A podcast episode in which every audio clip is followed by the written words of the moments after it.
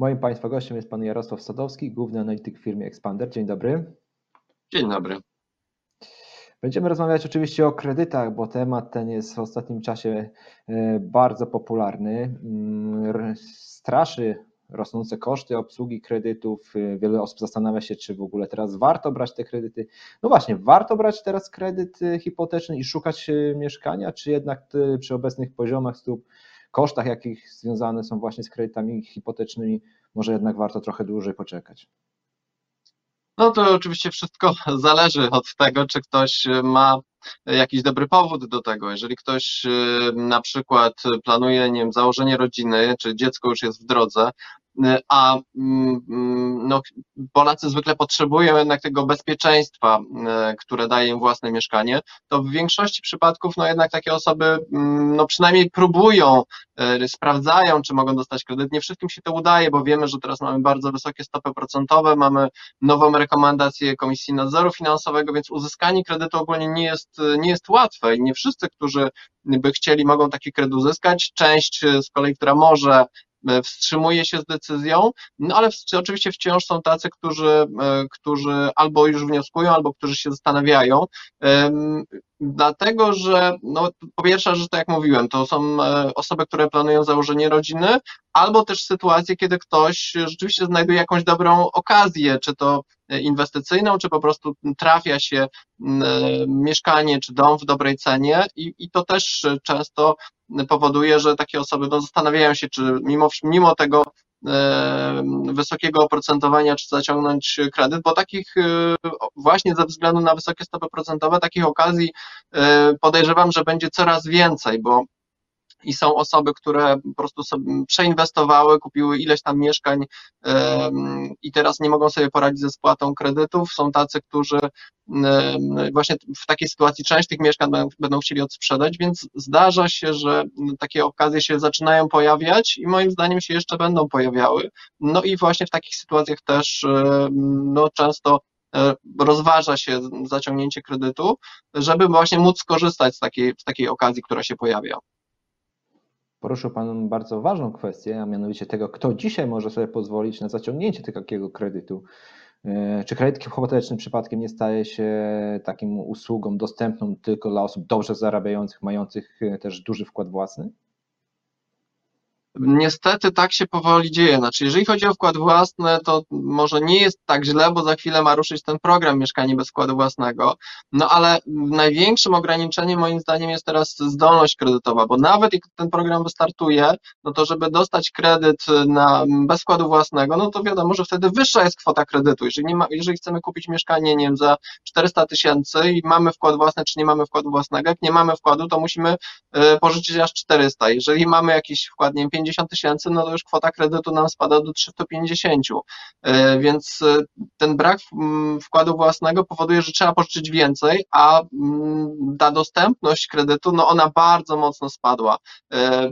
takie porównanie w porównaniu z październikiem ubiegłego roku, początkiem października, czyli jeszcze przed pierwszą podwyżką stóp procentowych, załóżmy, że ktoś wtedy mógł maksymalnie liczyć na 400 tysięcy złotych, teraz e, ta dostępna kwota kredytu jest około 220 tysięcy złotych, więc prawie o połowę już spadła ta dostępna kwota kredytu, e, no więc o, ogromnie e, się to zmieniło, to już uwzględnia oczywiście te dwa efekty, i podwyżkę stóp procentowych i tę nową rekomendację Komisji Nadzoru Finansowego. Tu dodam, że to jest jeszcze też taki scenariusz, e, powiedziałbym, nie najbardziej pesymistyczny, bo jeżeli weźmiemy jeszcze rodzinę z dziećmi, e, to tam może być jeszcze gorzej, dlatego że w ramach tej rekomendacji nie tylko banki muszą przyjmować e, o 5 punktów procentowych wyższe oprocentowanie, ale tam też zobowiązano banki do przyjmowania bardziej realnych kosztów życia. I te koszty życia, jak zostały urealnione, to oczywiście najmocniej one wzrosły tam, gdzie jest najwięcej członków,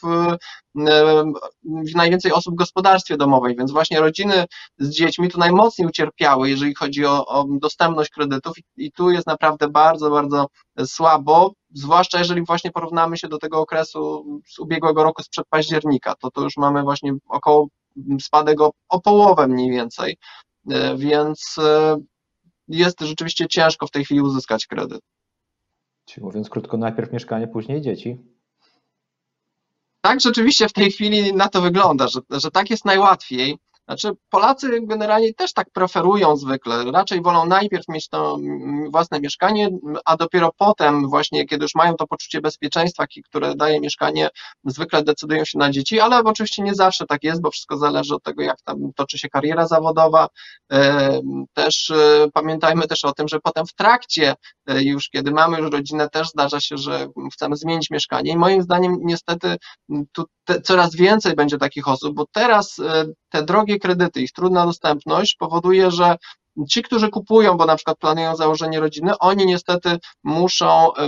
pójść na pewien kompromis, czyli albo muszą kupić mniejsze mieszkanie, no bo nie dostaną powiedzmy kredytu na takie mieszkanie, jakie tam sobie wymarzyli, więc muszą kupić mniejsze albo kupić gdzieś powiedzmy w gorszej lokalizacji, e, gdzie po prostu jest taniej. No i w, w, takim przypadku, jak podejmują taką decyzję, to raczej mm, zakładają, że no jak za jakiś czas, za nie wiem, 2, 3, 4 lata, e, kiedy już sytuacja się poprawi, kiedy będzie łatwiej kredyt, to po prostu oni planują, że będą chcieli zmienić to mieszkanie, no bo wiedzą, że jest za małe na przykład, żeby w dłuższym okresie mieszkać z, dzieckiem czy z dziećmi, no ale no wiedzą, że jakiś ten początkowy okres będą musieli się przemęczyć, można to tak ująć, e, więc e, to na pewno ta sytuacja, którą mamy obecnie, na pewno będzie powodowała to, że za jakiś czas wiele takich osób, które teraz kupują i w najbliższym czasie będą kupowały, później oni, oni będą chcieli te mieszkania zmieniać, no właśnie takie, które w rzeczywistości spełniają ich potrzeby, a nie są tymi mieszkaniami, które no,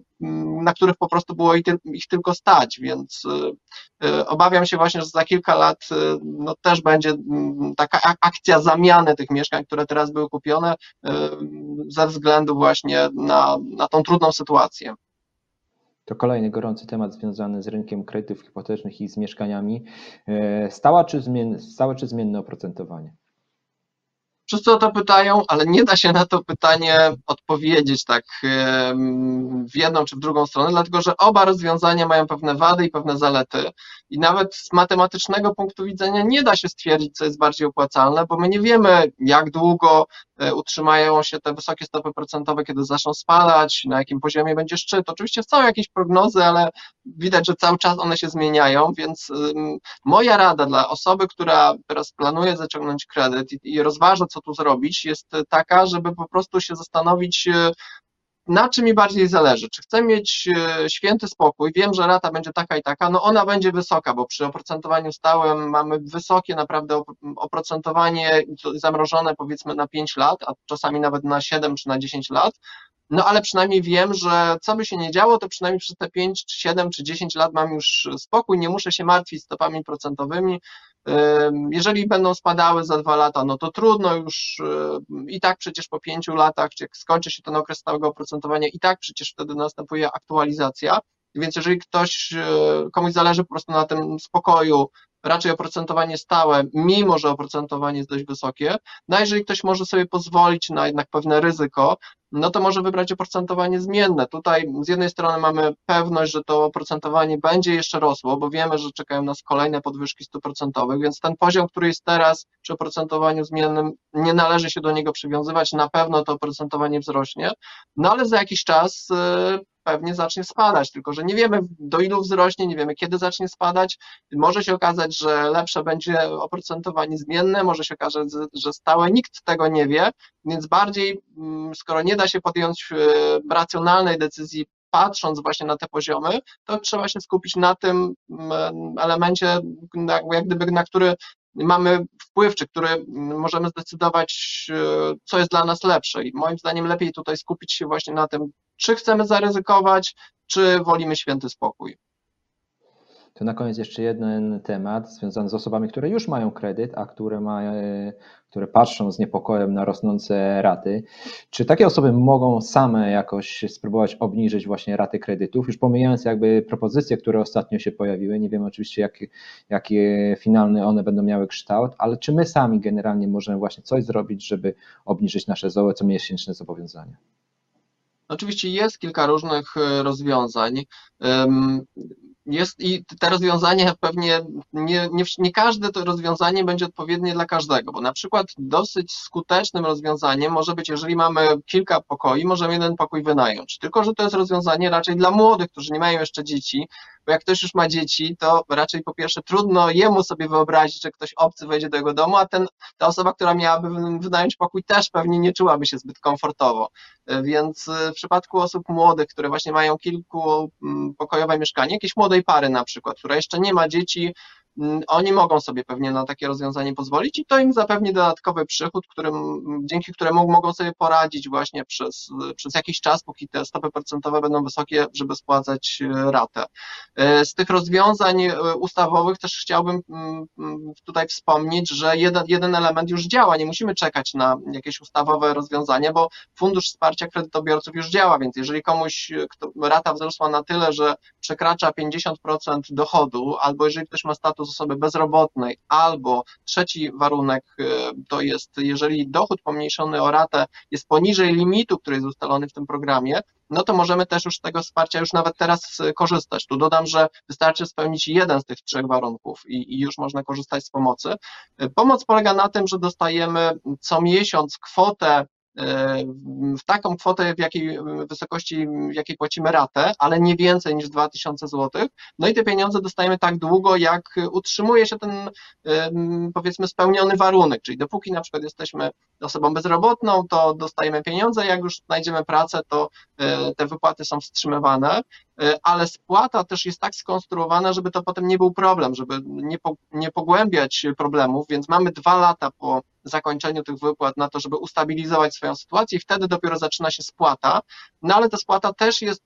tak zrobiona, żeby łatwo było spłacać, bo po pierwsze nie ma żadnych odsetek od tak powstałego długu, a po drugie część tego długu jest umarzana. E, dług jest rozkładany na 144 e, raty, więc e, długi okres, dzięki temu rata jest niska, więc na przykład jeżeli ktoś otrzymywał tą maksymalną dostępną pomoc, 2000 zł maksymalnie można dostawać miesięcznie przez 3 lata, no to wtedy spłaca po 500 zł. Jeżeli 100 mm, rat po 500 zł spłaci w terminie, to kolejne 44 raty, czyli 22 tysiące złotych są umarzane, więc też mamy tutaj pewną korzyść.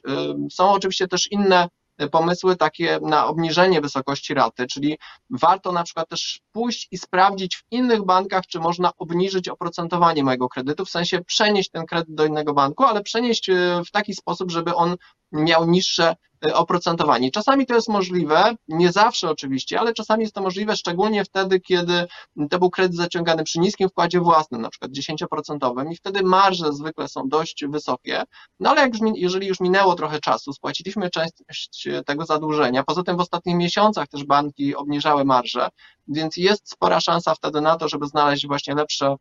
lepsze warunki. Przy okazji można też wydłużyć okres e, spłaty. Jak te dwa elementy się połączą, czyli niższe oprocentowanie i dłuższy okres spłaty, no to wtedy rzeczywiście tę ratę można e, znacząco obniżyć. Można też, jak już znajdziemy jakąś ofertę, możemy też nawet w swoim banku wynegocjować obniżkę oprocentowania, no tylko musimy mieć dobry argument. Takim argumentem jest na przykład, jak pokażemy ofertę od konkurencji, że tutaj inny bank mi proponuje takie i takie warunki, drogi banku, czy obniżysz mi oprocentowanie, czy mam przenosić się właśnie tutaj do, do konkurenta. Więc y, warto to sprawdzić. Czasami się to uda, nie zawsze, bo jeżeli to jest w miarę nowy kredyt, to zwykle jest prowizja za wcześniejszą spłatę. Do tego wydłużyć okresu też pewnie za bardzo się nie da, bo jeżeli to był kredyt nie wiem, na 30 lat, jak wydłużymy do 35, to ta rata minimalnie nam spadnie kilkadziesiąt złotych. No ale jeżeli zostało do spłaty, nie wiem, 15, 10 lat, to wtedy takie wydłużenie do 35 naprawdę bardzo mocno może e,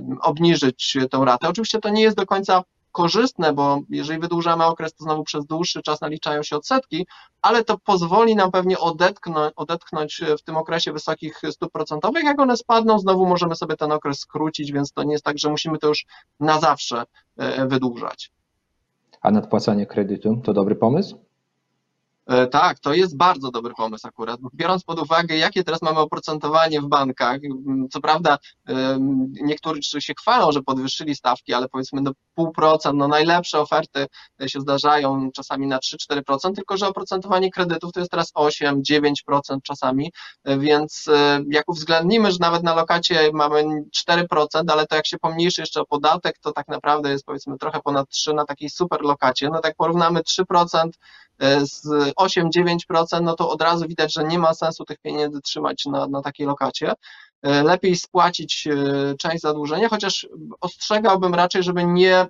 wszystkich pieniędzy w ten sposób nie wykorzystywać, nie pozbyć się zupełnie oszczędności, bo jak mamy kredyt, to jednak nigdy nie wiadomo, co się stanie i zawsze warto jakąś tam poduszkę bezpieczeństwa mieć tak na wszelki wypadek, bo też zawsze możemy, może się, różne rzeczy mogą się zdarzyć, możemy stracić pracę, jakieś problemy zdrowotne, no różne rzeczy się zdarzają, chodzi o to, że jeżeli coś takiego się zdarzy, żebyśmy byli w stanie sobie poradzić, żeby się utrzymać przynajmniej przez kilka miesięcy, być w stanie spłacać raty, na pewno taka poduszka bezpieczeństwa warto, żeby, żeby była gdzieś odłożona, ale jeżeli mamy rzeczywiście więcej niż, niż potrzebujemy na kilka miesięcy, mamy spore oszczędności, a mamy jednocześnie kredyt w złotych, to moim zdaniem warto to rozważyć pod warunkiem, że e, nie obowiązuje już ta prowizja za wcześniejszą spłatę. Zwykle to są właśnie przez pierwsze trzy lata e, od momentu udzielenia kredytu, a potem już e, tej prowizji nie ma, więc spokojnie można sobie nadpłacać kredyt. I tym akcentem kończymy naszą rozmowę. Jarosław Sadowski, główny analityk w firmie Expander, był moim Państwa gościem. Bardzo dziękuję za rozmowę. Dziękuję.